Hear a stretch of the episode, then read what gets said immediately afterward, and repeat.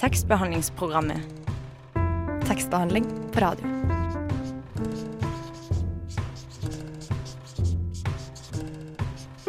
Tekstbehandlingsprogrammet.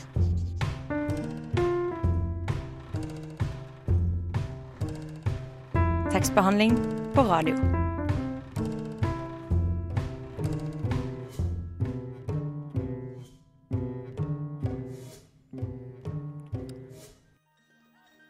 Hei og velkommen til tekstbehandlingsprogrammet her på Radio Nova. Mitt navn er Marie Vallestad, og med meg i dag har jeg Ylva Nordbø. Morn, morn. Og jeg har med en ekstra TBP-er pga. at det er siste sending før jul, Maiken. Hei, hei.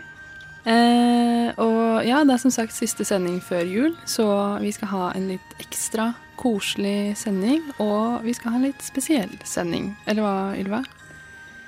Jo, um, vi har jo en litt spesiell gjest eh, med oss.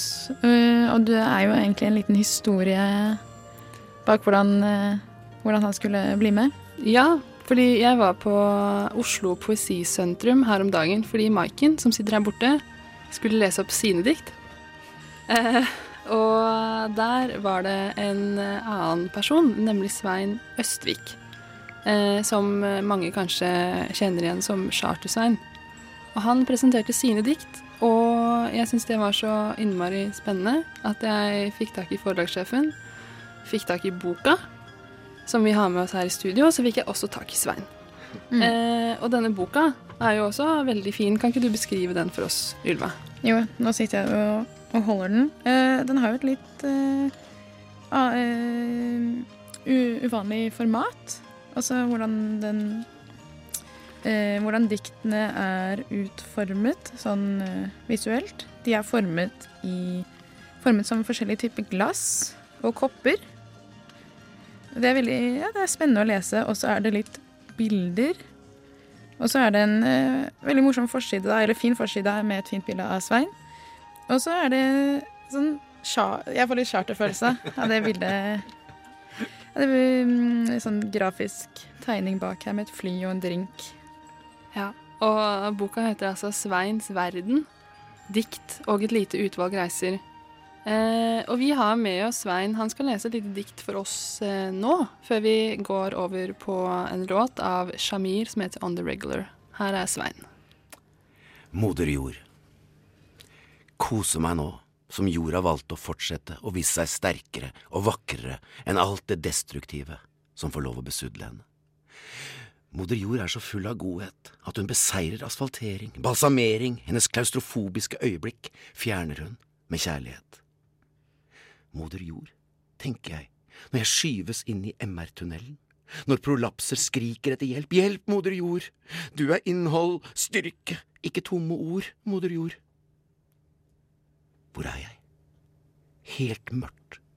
Hjelp! Pust, pust, liv i all din rust. Er det moder jord? Er det dine vakre ord? Prolapsen varmes, og skrekken omdannes. Rolig. Pust. Tilbake, ut av tunnelen. Å, for ei dame, moder jord! Noen ganger sier hun virkelig ifra, blåser seg opp og nyser kraftig, uten lommetørkle og annet stæsj, nei da, kraftige nys som setter luft og tunge skyer i bevegelse. For et fyrverkeri hun kan være når menneskekvisene roter det til i sin hjelpeløshet. I et inferno av følelser, smerte, innsikt og overlegen bevissthetsutfoldelse. Det å la det onde seire er ikke på dagsordenen til denne dama. Offer, jeg! Hva er greia? Hva er greia? Nei da. Fabrikker, eksos, ja, kullos og menneskeskapt kaos, en dose dumhet, grådighet, dekadente, arrogante, og alt det andre andre ikke ante. Hun bare skyver det under det tragiske. Jeg skyver alt det tragiske under tåketeppet, til vi ikke lenger er så langt fra vettet. Jeg er stolt av denne dama. Litt synd er Litt synd der er jord hun er laga. Hallo, mitt navn er Knut Nærum, og du hører på tekstbehandlingsprogrammet. Jeg går i hvert fall ut fra at du gjør det. Velkommen tilbake til eh, tekstbehandlingsprogrammet. Vi sitter her med besøk av Svein Østvik i studio. Eh, og Svein, du, i dag er du her som dikter-Svein, og ikke som charter-Svein, ikke sant? Ja, det er fint. Eh, Takk, takk for det. Eh, og du har skrevet en diktsamling. Ja. Hvordan ble denne diktsamlingen til? Eh, ja, det er, eh, det er faktisk et godt spørsmål, men eh, for det er jo nesten like overraskende for meg som det sikkert er for en del lyttere, holdt jeg på si, at jeg har skrevet diktsamling. Men, men eh, for det første har jeg jo egentlig drevet og sysla med skriving i egentlig mange år. Jeg jobba jo på Dikemark sykehus eh, på 80-tallet, og da opplevde jeg mye sterke ting ved å jobbe der, og begynte så vidt å notere litt ned og liksom sette litt ord på ting. og Kanskje også ble veldig nysgjerrig på meg sjøl og mine egne reaksjonsmønstre og psykologiske mønstre. Så, så. Men så går det mange år, så det blir mye annet. Og så, så er det egentlig bare det at eh, jeg ble venn med en på Facebook som heter Geir eh, Felling Andersen. Eh, møtte han en gang angående noe TV-greier, og så, eh, etter en stund så, som vi hadde hatt litt kontakt, så hadde han fulgt med litt på hva jeg skrev på Facebook. Og så plutselig bare sier han du skriver jo dikt òg, det hadde han googla seg, altså, du liker å skrive dikt, så har du noe dikt, liksom? Så vil han høre på dem. Og da ble jo jeg litt ja, ja. For han, han er jo litt forfatter sjøl og, har jo starta et forlag uten at jeg egentlig visste det.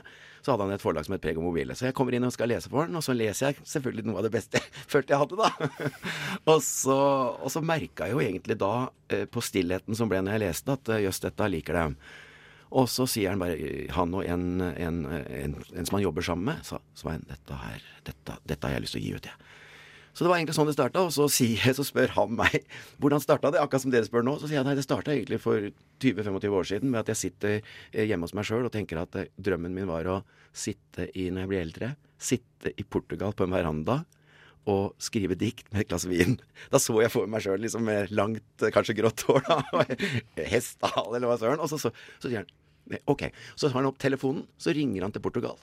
Og i løpet av fem minutter så har han ordna meg et hus i Portugal. Som han sa, dette kan du bruke så mye du vil til å skrive dikta dine ferdig. Og så har jeg vært i Portugal, og det var der jeg skrev jeg 20, 20 av de tingene jeg har gitt ut, skrev jeg på tre dager. Så, helt, så var, den drømmen hadde på en måte lagra seg, og, og, var jo bare egentlig å sette i gang når jeg kom dit. Og jeg fikk også vin der, så det var helt fantastisk. Ja, for den nevnte du på OPS, husker jeg. Denne vinen. Denne, ja. At det var en del av den drømmen var å sitte på en balkong med et glass vin. Ja og en skrivemaskin. Skrivemaskin sånn gammeldags. Eh, på en balkong i Portugal. Og ja. dette skriver du om i reiseskildringene i boka di også. Helt korrekt. Var det sånn som du forestilte deg? Altså, det var egentlig vakrere, da, for at jeg var i fjellene. Så sånn, sånn naturmessig så var det helt fantastisk, men vi hadde dårlig vær. Så jeg, for, jeg tror hvis det hadde, for det var så fint at, at jeg kunne, kunne risikert å blitt ukonsentrert. Men det var egentlig ikke helt likt. Men det var Portugal, og jeg møtte en tjener som het Manuel og han kom da med den femliterskanna med vin. Og så sa han 'You are the poet, Mr. Swine. You are the poet', sa han. 'Here is the wine'. så skal jeg si, ja. Det er klart det ble, det ble som drømmen ble oppfylt, selv om det var litt annerledes. Det var 25-30 år siden jeg hadde drømt det, så Eller jeg hadde ikke drømt det, jeg hadde, hadde, det mer sånn bevisst i tanken at det var en drøm å, å kunne gjøre det. Mm. Så ja. Jo, og da Du snakker jo om at du ble inspirert eh, da du, da du jobba ja. det sjukehuset. Men uh, er det noe har du noen litterære forbilder som har eh, inspirert deg? Ja. ja, jeg sier med en gang. Jeg har to egentlig sånne når det gjelder dikt. Det er André Bjerke. Jeg husker jeg leste det der eh, Søren Er det Nora Nordpå? Ja, det er Nora Nordpå det heter. Men det er om Søren Sørpå og Nora Nordpå. Når jeg leste det, så tenkte jeg da, da, da satt jeg og lo, og da følte jeg liksom Nå er jeg helt meg sjøl. For det var sånn Det var dybde i det, og det var fint, og det var innholdsrikt, men det var også utrolig morsomt. Og, og, da tenkte jeg Da følte jeg liksom at eh, noe sånt noe i den gata der ligger jo liksom litt meg. Og, og når du kjenner på en måte at den, han Andre Bjerke er jo stor, han har jo lagd masse filmer, og så følte jeg liksom en ørlite slektskap da med måten å tenke på, eller måten å, å se verden litt på. Så André Bjerke er hovedgreia, og så, har jeg vært fascinert av Nordahl Grieg. Men det er mer sjø... liksom alkohol, trøbbel med det, eh, mørke sider, litt vanskelige eh, perioder i livet som jeg har hatt. Og så har Nordahl Grieg på en måte et par dikt som jeg har eh, på en måte lest veldig mye og fremført liksom litt rundt forbi. da. Så Nordahl Grieg er også involvert. Tekstbehandlingsprogrammet hver onsdag på Radio Nova klokka ti. Den låta du akkurat hørte, var 'Broen' med sangen 'Iris'. Eh, du hører på tekstbehandlingsprogrammet, og vi sitter i studio med Svein Østvik og hans diktsamling 'Sveins verden'. Eh, jeg har et lite spørsmål til deg. et ganske stort spørsmål som jeg håper jeg kan få et litt kort svar på. Um, men du, uh, på mange måter så utfordrer jo du veldig disse her boksene om uh, forskjellige Du forener på en måte, hvis man skjærer rett igjennom, da, sier at poesi er sett på som en sånn høy, høyverdig uh, beskjeftigelse. Og så har du på den andre siden charter. Eh, du som befinner deg i begge disse boksene, du må jo du må ha en formening om eh, hvordan denne foreninga er. Ja, eh, det er, det, er, veldig vanskelig å vite hvor jeg skal begynne hen. Men for det første syns jeg det er kjempeålreit at dere tar opp de tinga. For det, det, er kanskje noe jeg litt kjemper for, eller sånn ubevisst i starten, egentlig. Så, så når jeg starta Charterfeber, så var jo det ved en tilfeldighet, liksom. Og når jeg fikk på den sekken som jeg valgte istedenfor koffert, så skjedde det noe med meg. Så ble det sånn. Men så er jeg jo mer kjent på at det er jo kanskje sånn jeg har levd livet mye lenger. Altså at jeg har levd Jeg har jo skrevet dikt, som jeg sa, i, i 25 år, men jeg har, også, jeg har også stått på bardisken før jeg dro til Syden, ikke sant? Og, og, og, jeg føler at det er noe med at jeg, ha, jeg hater Jeg misliker snobbethet i alle mulige retninger, da. Jeg har aldri likt mennesker som tar seg sjøl høytidelig. Jeg har alltid fått sånn her gud, hva er, det, hva, er du, hva er det du sliter med, siden du er nødt til å være så viktig? Så på en måte, jeg har alltid følt på Når jeg sjøl har prøvd å utvikle meg som menneske, så har jeg kjent på at jeg har mange, mange lag og mange typer ting som, som, gir meg energi, da. Og det er alt fra å, å på en måte være banalt håpløs eh, Jeg syns det er litt deilig å, orke det uten å bli altfor skamfull og sånn. Og også samtidig så har jeg på en måte mine ting når jeg er aleine, hvor, hvor jeg liker å tenke tankene veldig langt. At jeg, jeg, sitter og på en måte På toget hit når jeg satt her, så satt jeg og tenkte på liksom kanskje en, en psykologisk problematikk. Og så prøver jeg å kjenne i meg sjøl på hva det er som gjør at mennesker kan gå langt gærne veien. At jeg sitter liksom og drar følelsene mine så langt jeg klarer for å finne svar på ting. For å finne hvorfor mennesker kan falle helt ut av det og gjøre grusomme ting. Hvorfor mennesker kan bli, som vi snakker om nå, kan bli så forfengelige eller så snobbete at de, at de ikke tåler å, å se folk som leker. Eh, jeg tenker kanskje på at mennesker er for opptatt av å lære seg å bli voksen, istedenfor å lære seg å bli nysgjerrig på seg sjøl. Og det å bli nysgjerrig på seg sjøl, da tror jeg det dukker opp at det faktisk Vi inneholder alle tinga.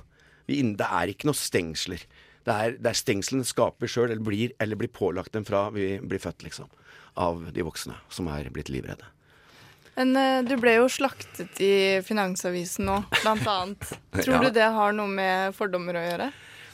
Nei, jeg tror Ja, altså Det er farlig å si det, selvfølgelig. Jeg veit jo ikke det. Men jeg syns det var litt kult. jeg hadde nok blitt mer skuffa hvis at de hadde likt det. For da hadde ikke mitt, min teori Da hadde den krasja. Nei, du går jo til angrep på konsumet òg, så det er jo Hva da? Du går jo til angrep på konsumet og kapitalismen. Ja, altså er, jeg, jeg, jeg, er så glad. I dag så leste jeg om eller i, en da, askerdame som var en av Norges rikeste hvor hun på en måte sa et så jækla godt svar på, på trøbbelet med å være rik.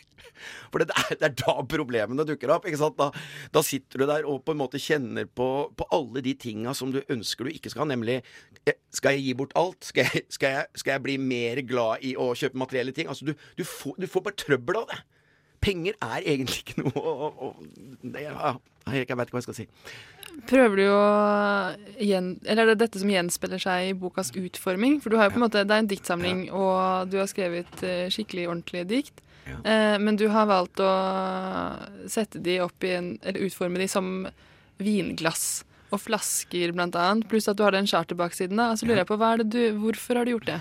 Um, nei, altså det med, det med, å utforme som glass, det var jo det var selvfølgelig litt for det vi, etter at vi hadde lest dikta som jeg snakka om første gang vi møttes, så, vi også, så, ble vi veldig sånn glade og godt humør og sånn. Så tenkte skal vi gjøre litt? Skal vi gjøre litt? Sånn at, at, folk, at, folk, blir litt provosert. Liksom at vi lager At jeg viser at jeg er glad i vin. for det skal man jo heller ikke gjøre. Man kan ikke si at for da er man jo ute og sykler. Så vi fant liksom ut at vi skulle bygge ei bro, da på to måter. Og det var med å lage dem som vinglass eller ølglass eller, eller, vinflasker. Og så skulle vi gjøre noe med fasaden, for jeg er jo opptatt litt, skriver også en del om fasade kontra innhold, da. Eller kontra natur. Fasade kontra natur, liksom. Og da tenkte vi vanligvis er fasaden på yttersida, og så er kanskje dypet bak en tjukkere og tjukkere fasade, sånn at man etter hvert mister det indre. Så snudde vi på det, så tok vi liksom på en måte det, det dype på forsiden. da, At det, det, det, ekte er liksom det som er på fas, der fasaden vanligvis er. Og så kommer da det litt enkle. Det er på en måte bak en sannhet. da. For da blir det på en måte riktig. Og forsiden er jo bildet av deg, og baksiden er eh, drinken og flyet. Ja, forsida er jo som du ser, der har jeg vært veldig heldig med bildet. Jeg er ikke så fan i virkeligheten, men der har jeg vært heldig med lyset og alt mulig. Og sminken. Hva? Og dette Ja. kan vi snakke mer om, men først skal vi høre en låt, nemlig Anka med Reborn. En, to, tre. T-E-K-S-T-B-E-H-A-L-D-L-P-R-O-G-A-M Tekstbehandlingsprogrammet på Radio Nova. Velkommen tilbake til eh, tekstbehandlingsprogrammet her på Radio Nova. Vi hørte akkurat en låt fra Radio Novas helt ferske A-liste, nemlig eh, Anka med 'Reborn'. Og vi har fortsatt Svein Østvik i studio, og nå skal han lese et lite dikt for oss. Ja. Det heter Århundrets profesjon. Kjenner ingen glede ved å treffe noen. Kjenner ingen glede av å la være. Kjenner redselen for å være alene sterkere enn redselen for å være alene. Kjenner angsten for å kjenne på det og ikke orke mer. Skammen over å være til bryderi. Skammen over ikke kjenne glede. Angsten for at noen skal se. I et slags urgrotesk skambelagt nervemareritt av vondt, hvor bare den minste forstyrrelse av overlevelsestvangsmønsteret utløser panikk. Knuges i fosterstillingen. Kapslet mot invasjonen av angst.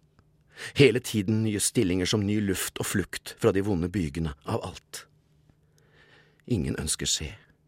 Ingen ønsker ta på. Ingen ønsker ha noe med deg å gjøre, forstå det! Ta det innover deg!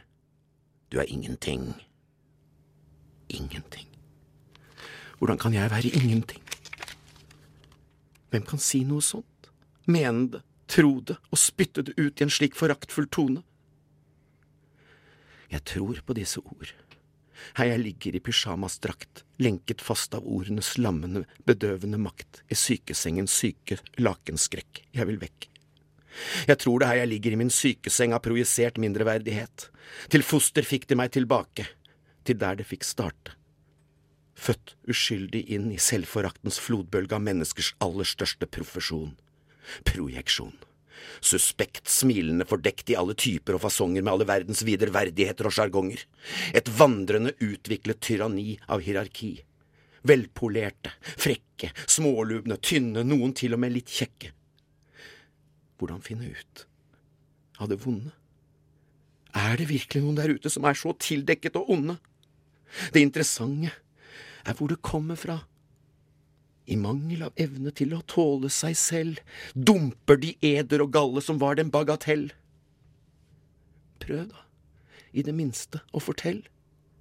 Var det sviket fra det i generasjoner vandrende levende liket som utløste dette direkte ødeleggende kamuflerte skriket? Det ble misunnelse, det å se andre leve opp. Det ble en ondartet kreftsvulst i den projektives kropp. Ved å tukle med det skjøre rom de fleste av oss har, få det vakre til å vakle, se det sakte, men sikkert rakne. Det å se dette vonde bildet ble hos den ødelagte til en givende, spirende kilde. Er det mulig, er det mulig å ikke la seg tråkke? Er det mulig å komme ut av dette sjokket? Ja, det er i innsikten og vissheten om din rett. Det er i styrken av å se det sanne og hele sykdomsbildet. Når bildet er klart og uten tåke, da slutter den ødelagte helt å bråke. Kan du fortelle litt om eh, det vi akkurat hørte nå? Jeg skjelver litt. Ja, det var eh, intenst. Ja. Um, nei, altså Å, fy faen. Unnskyld. Nei, det skrev jeg jo eh, rett etter at jeg kom hjem fra Portugal, faktisk. Med litt dårlig tid. Eh, men eh, nei, da Da tenkte jeg på noe som jeg alltid har vært opptatt av. Altså, jeg studerte jo litt psykologi, og jeg, gikk- jeg jobba jo 15 år i psykiatrien. Det har med sant, projective identification, altså at mennesker har en tendens, og jeg syns det er noe veldig utbredt, dessverre, at vi orker ikke vår egen, vår egen skyggeside. Og så sender man det over og legger det i en mottaker, på en måte. Og, og det er det det diktet dreier seg om, liksom hvordan mennesker ikke orker å bli kjent med sine vanskelige ting, og isteden legger det over og får andre mennesker, kanskje uskyldige, som jeg skriver om vakre sjel, til å, bli, til å tro dem er møkkete. Og det syns jeg er et sånt samfunnsgreie som er ganske stort. Så syns jeg fikk heldigvis til det, på en måte. Og kan jeg trekke en sånn kjempeanalyse nå? Ja, vær så god. Um, uh, blir det litt av sånn um, pompøse eller eh, intellektuelle mennesker som ser, tar seg selv veldig høytidelig? Tror du de ikke tåler sin banale side og projiserer dem på Ja, eksempel Helt korrekt. Det, er, det, det dreier seg om alle ting. Det kan være alt fra liksom så, det, er jo, det er jo ikke det verste, på en måte. Altså, det er jo bare litt tullete. Eller dumt. Men det er verre når det er ordentlig jævlige ting. Så det jeg kan si som, som jeg ofte tenker, da, hvis, hvis man blir kalt noe jævla stygt nå, ikke sant, av noen, så er det ofte en beskrivelse av den som sa det. Ikke sant? Det er på en måte å, på en måte klare å, å, å beholde sin egen verdighet, da når man er i vanskelige ting i forhold, eller i, i vanskelige ting i omgivelsene, i foreldre-barn-situasjoner, så er det veldig viktig å tenke at det du får høre av en annen person av slemme ting, det er ofte hans eget selvbilde som han slenger over i deg. Det er en måte å på en måte forsvare seg på, da, for å slippe å tro at man er grusom. Eh, vi må nesten gå litt videre, men vi skal snakke mer med deg etter at vi har hørt denne julefortellingen, uh, Svein. Ja. Uh, det tror jeg kan bli veldig fint. Så skal vi snakke litt mer om jul også. Men først altså julefortelling. Mot jul av Margrethe Munthe.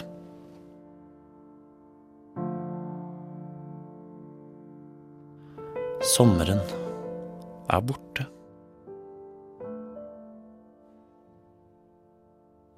Dagene? Korte. Men gjennom mørke, tåke? Og regn, langt i det fjerne, lyser en stjerne.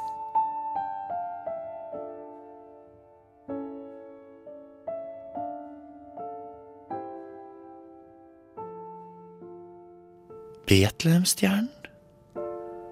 Det himmelske tegn.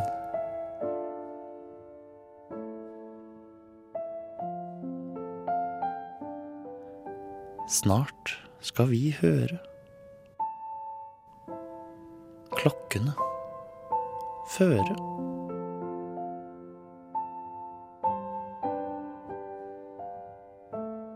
Budskap om høytid i hjemmene inn.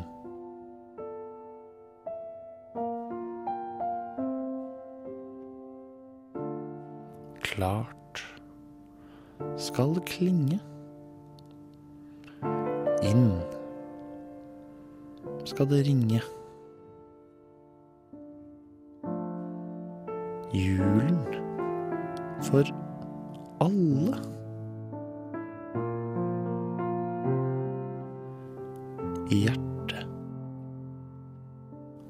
Og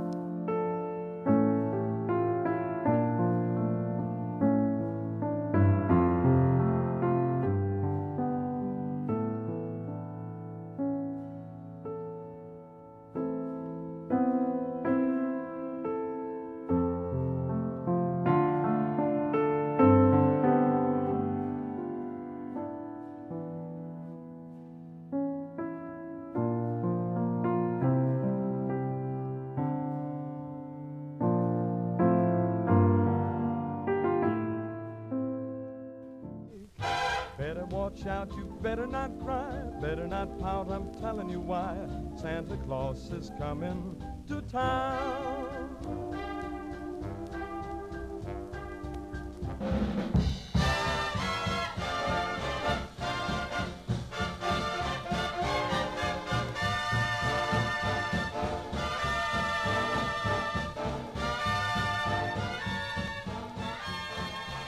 Velkommen tilbake til eh, tekstbehandlingsprogrammet. Vi forsøker litt å komme i julestemning. Derfor har vi akkurat hørt på Santa Claus is Coming to Town med The Christmas Jazz Players.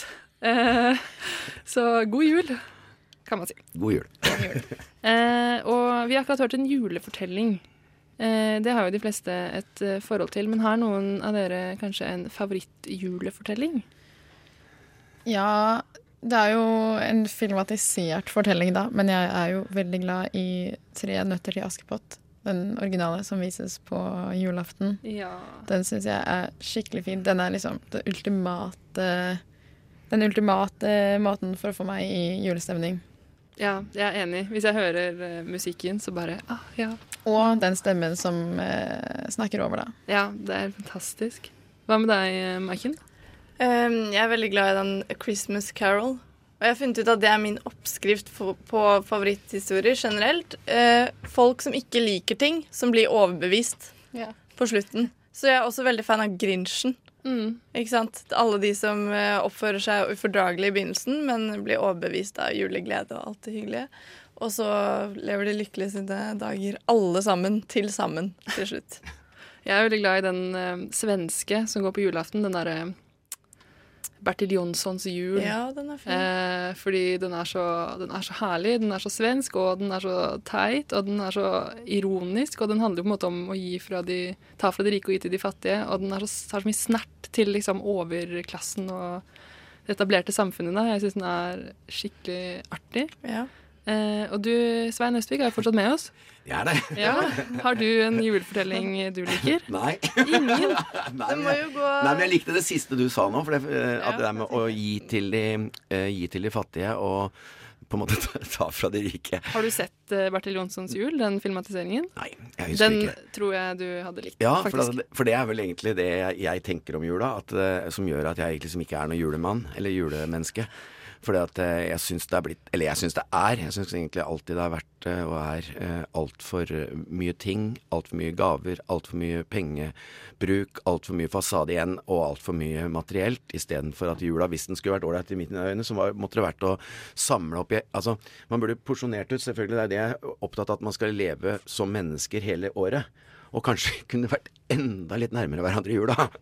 Sånn at det hadde vært det som hadde vært det store. At da skal vi liksom møtes og virkelig vise hvem vi var, og, og, og vise i familien at man hadde vokst litt som menneske, og at man liksom følte en samhørighet som var ekte. Jeg ser liksom litt på jula som en sånn der krampetrekning som vi skal liksom Siden vi ikke er så flinke til å bruke mennesket i oss som instrument, så bruker vi det ytre. Og det, og det er liksom ikke min greie. Så jeg, men eh, herregud, jeg skjønner jo barna og sånn som Det må jo være, må jo være pappa og sånn i jula. Men det er jo litt morsomt det du sier, fordi alle de klassiske julefortellingene handler jo nettopp om det du Ja, snakker om nå. ja. At uh, julen er blitt tatt over av, eh, Ja. av dumme ting, og at den burde handlet om fine ting. Ja, og det er det som er så rart med oss mennesker, at vi, vi veit på en måte svaret på ting, men vi gjør det motsatte. Det er liksom en sånn helt rar måte vi har klart å utvikle oss. Det er at vi vet svaret på mange, mange ting, men vi gjør bare mer og mer av det som er veien vekk fra det. Så liksom, det er, det er det som jeg prøver så godt jeg kan, i hvert fall. Og, og når vi har jul liksom hjemme hos søstera mi og sånn, så vi, har, vi, prøver å finne morsomme greier. Vi videofilmer og snakker massevis masse, og, og forhåpentligvis har det veldig gøy, da. Så det er ikke så veldig mye sånn tradisjoner med, med å være veldig julete. Nei, Det passer jo litt bra igjen akkurat nå, for vi skal høre en låt til. Og det er ikke en julelåt, men en låt fra Radionovas A-liste. Ekka med 'Last Chance to Dance'.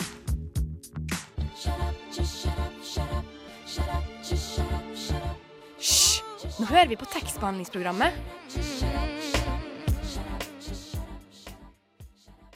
Velkommen tilbake til eh, tekstbehandlingsprogrammet. Nå har du akkurat hørt eh, Ekka med 'Last Chance to Dance', og vi snakker eh, litt om jul og litt om dikt med Svein Østvik. Og det er jo jul eh, nå. Men det blir jo etter hvert eh, også nyttår og 2015. Og hvordan ser din eh, litterære fremtid ut, Svein? Ifølge Finansavisen så er det bare å glemme.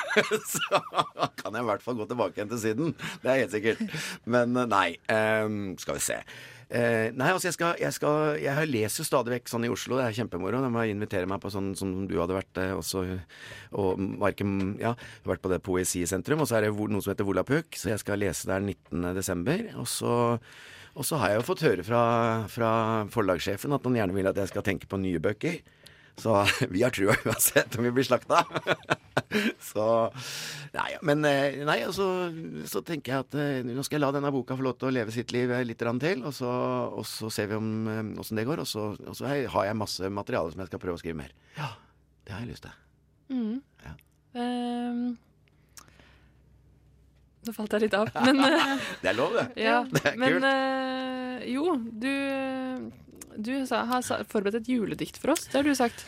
Ja, altså det, det, det ble jo på en måte Jeg skjønte at det skulle være litt om jul også, men så er det det at jeg er ikke sånn juleelsker, da, så jeg måtte jo være ærlig på det diktet jeg har skrevet òg, så da blir det ikke noe sånn derre Det blir ikke noe sånn veldig sånn oppmuntrende, på en måte, men eh, Nei, men Radio Nova har mange fjes. ja. Ja. Det har jo jeg skjønt at jeg har òg. Nei, men jeg, jeg, skal, jeg har ikke gitt det noen tittel, men det kan jo være jul eh, Nei jul Nei, jeg veit ikke. det Ja, jeg skrev det. Jeg skrev det. Jeg, jeg, jeg, skrev, jeg var ferdig sånn en halvtime før toget gikk innover her. Så da Det er ikke Ja, kan hende bare jula, da. Hva med, hva med, hva med Sveins jul? Ja, siden, ja, eh, ja. Svein- ja Sveins jul. Skal vi se. Um, og så kommer jula igjen. Vi skal bruke noen titalls milliarder på å skaffe oss noen engasjerte samtaleemner inn i romjulens tomhet. En slags fasadens endelige seier over naturen. Fyller venteperioden med krydret nonsens før vi telles ned som en tidsinnstilt bombe mot menneskers galeste oppfinnelse nyttårsaften. Som det menneskelig godt smurte tannhjul, som det gjennomsnittlige menneskets syke, drives vi fremover, år etter år av stress for å virke vellykket, tilpasset og godt fordekt, helt til vi til de grader knekt. Smiler, later som vi ikke tviler, hviler i skjul, mens vi spytter ut god jul. Romjulen. Romjulen som vi snart ikke orker romme. For vi føler det tomme komme. Romme, sier psykologen. Romme følelser. Av frykt for å spore av. Frykt for å si fra. Slappe av. Julen kjennetegnes av overstrømmende taler om ingenting. Om ting, om bytting av ting. Jeg skjønner snart ingenting. Ting meg her og ting meg der. Et smil fra hjertet stopper opp. Det er skamfullt å slippe noe vakkert ut av sin skjelvende kropp. Stillheten i det vakre truer. Derfor er det gaver som dominerer i alle landets stuer. Kan lese hva som helst, du, så høres det så fint ut. Ja, Men, eh, takk. wow. Det gikk fra Sveins jul til Sveins jul. Men god jul allikevel. Nå får jeg slå på charteren her. Men eh, ja, dette, vi må jo dessverre avslutte sendingen, så dette er jo en fin avslutning nå før jul. Dette var jo en liten gave til oss her og alle våre lyttere. Dette var jo et uh, dikt uh, laget på bestilling nesten til Ja. oss. Det kunne faktisk ikke blitt bedre. Tusen takk. Uh, så tusen takk for at du kom, Svein. Det var kje, altså, Dønn ærlig, dere var kjempeålreite å være hos. Hadde du forresten noen datoer på flere opplesninger? Eh, sånn? Ja, altså det er Vinstra, da, men det er jo langt unna. Det er jo langt oppi Men ja, det var skal jeg- 19., ikke sant? På Volapuk? Ja, Volapuk Ja. er 19., og det er jo i, på Frogner. På Løvenskiolds gate. Mm. Løvenskiolds gate 10. Da vet lytterne hvor de skal gå til hvis de vil Mhm. ha flere poesiopplesninger. Og der er det ikke bare jeg, det er masse fantastiske mennesker som eh, fremfører ting. Altså både fra musikk og alle mulige Jeg syns det er helt fantastisk der, rett og slett. Ja. Ja, veldig bra. Da vet alle også hva de kan gjøre før jul. Eh, og selvfølgelig hvilken julegave som er den fineste under treet. Det er selvfølgelig Sveins verden. Ja. Eh, tusen takk for at du kom. Eh, nå skal vi høre en eh, siste julesang. Den diggeste julesangen eh, jeg syns, i hvert fall. Nemlig James Brown med Let's Make Christmas Mean Something This Year. You see Santa Claus.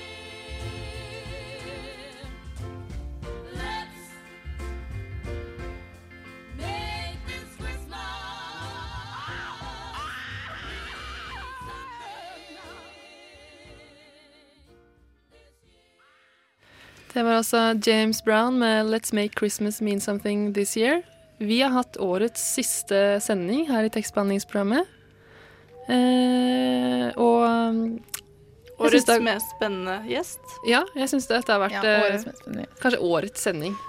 Teit å si om sin egen sending, men eh, det var en bra sending. Eh, mitt navn er Marie Vallestad. Jeg har hatt med meg Ylva Nordbø og Maiken Bolseth. Tekniker har vært Ida Brenna, og gjest har vært Svein Østvik. Tusen takk for oss. Eh, god jul. God jul og godt nyttår. God jul.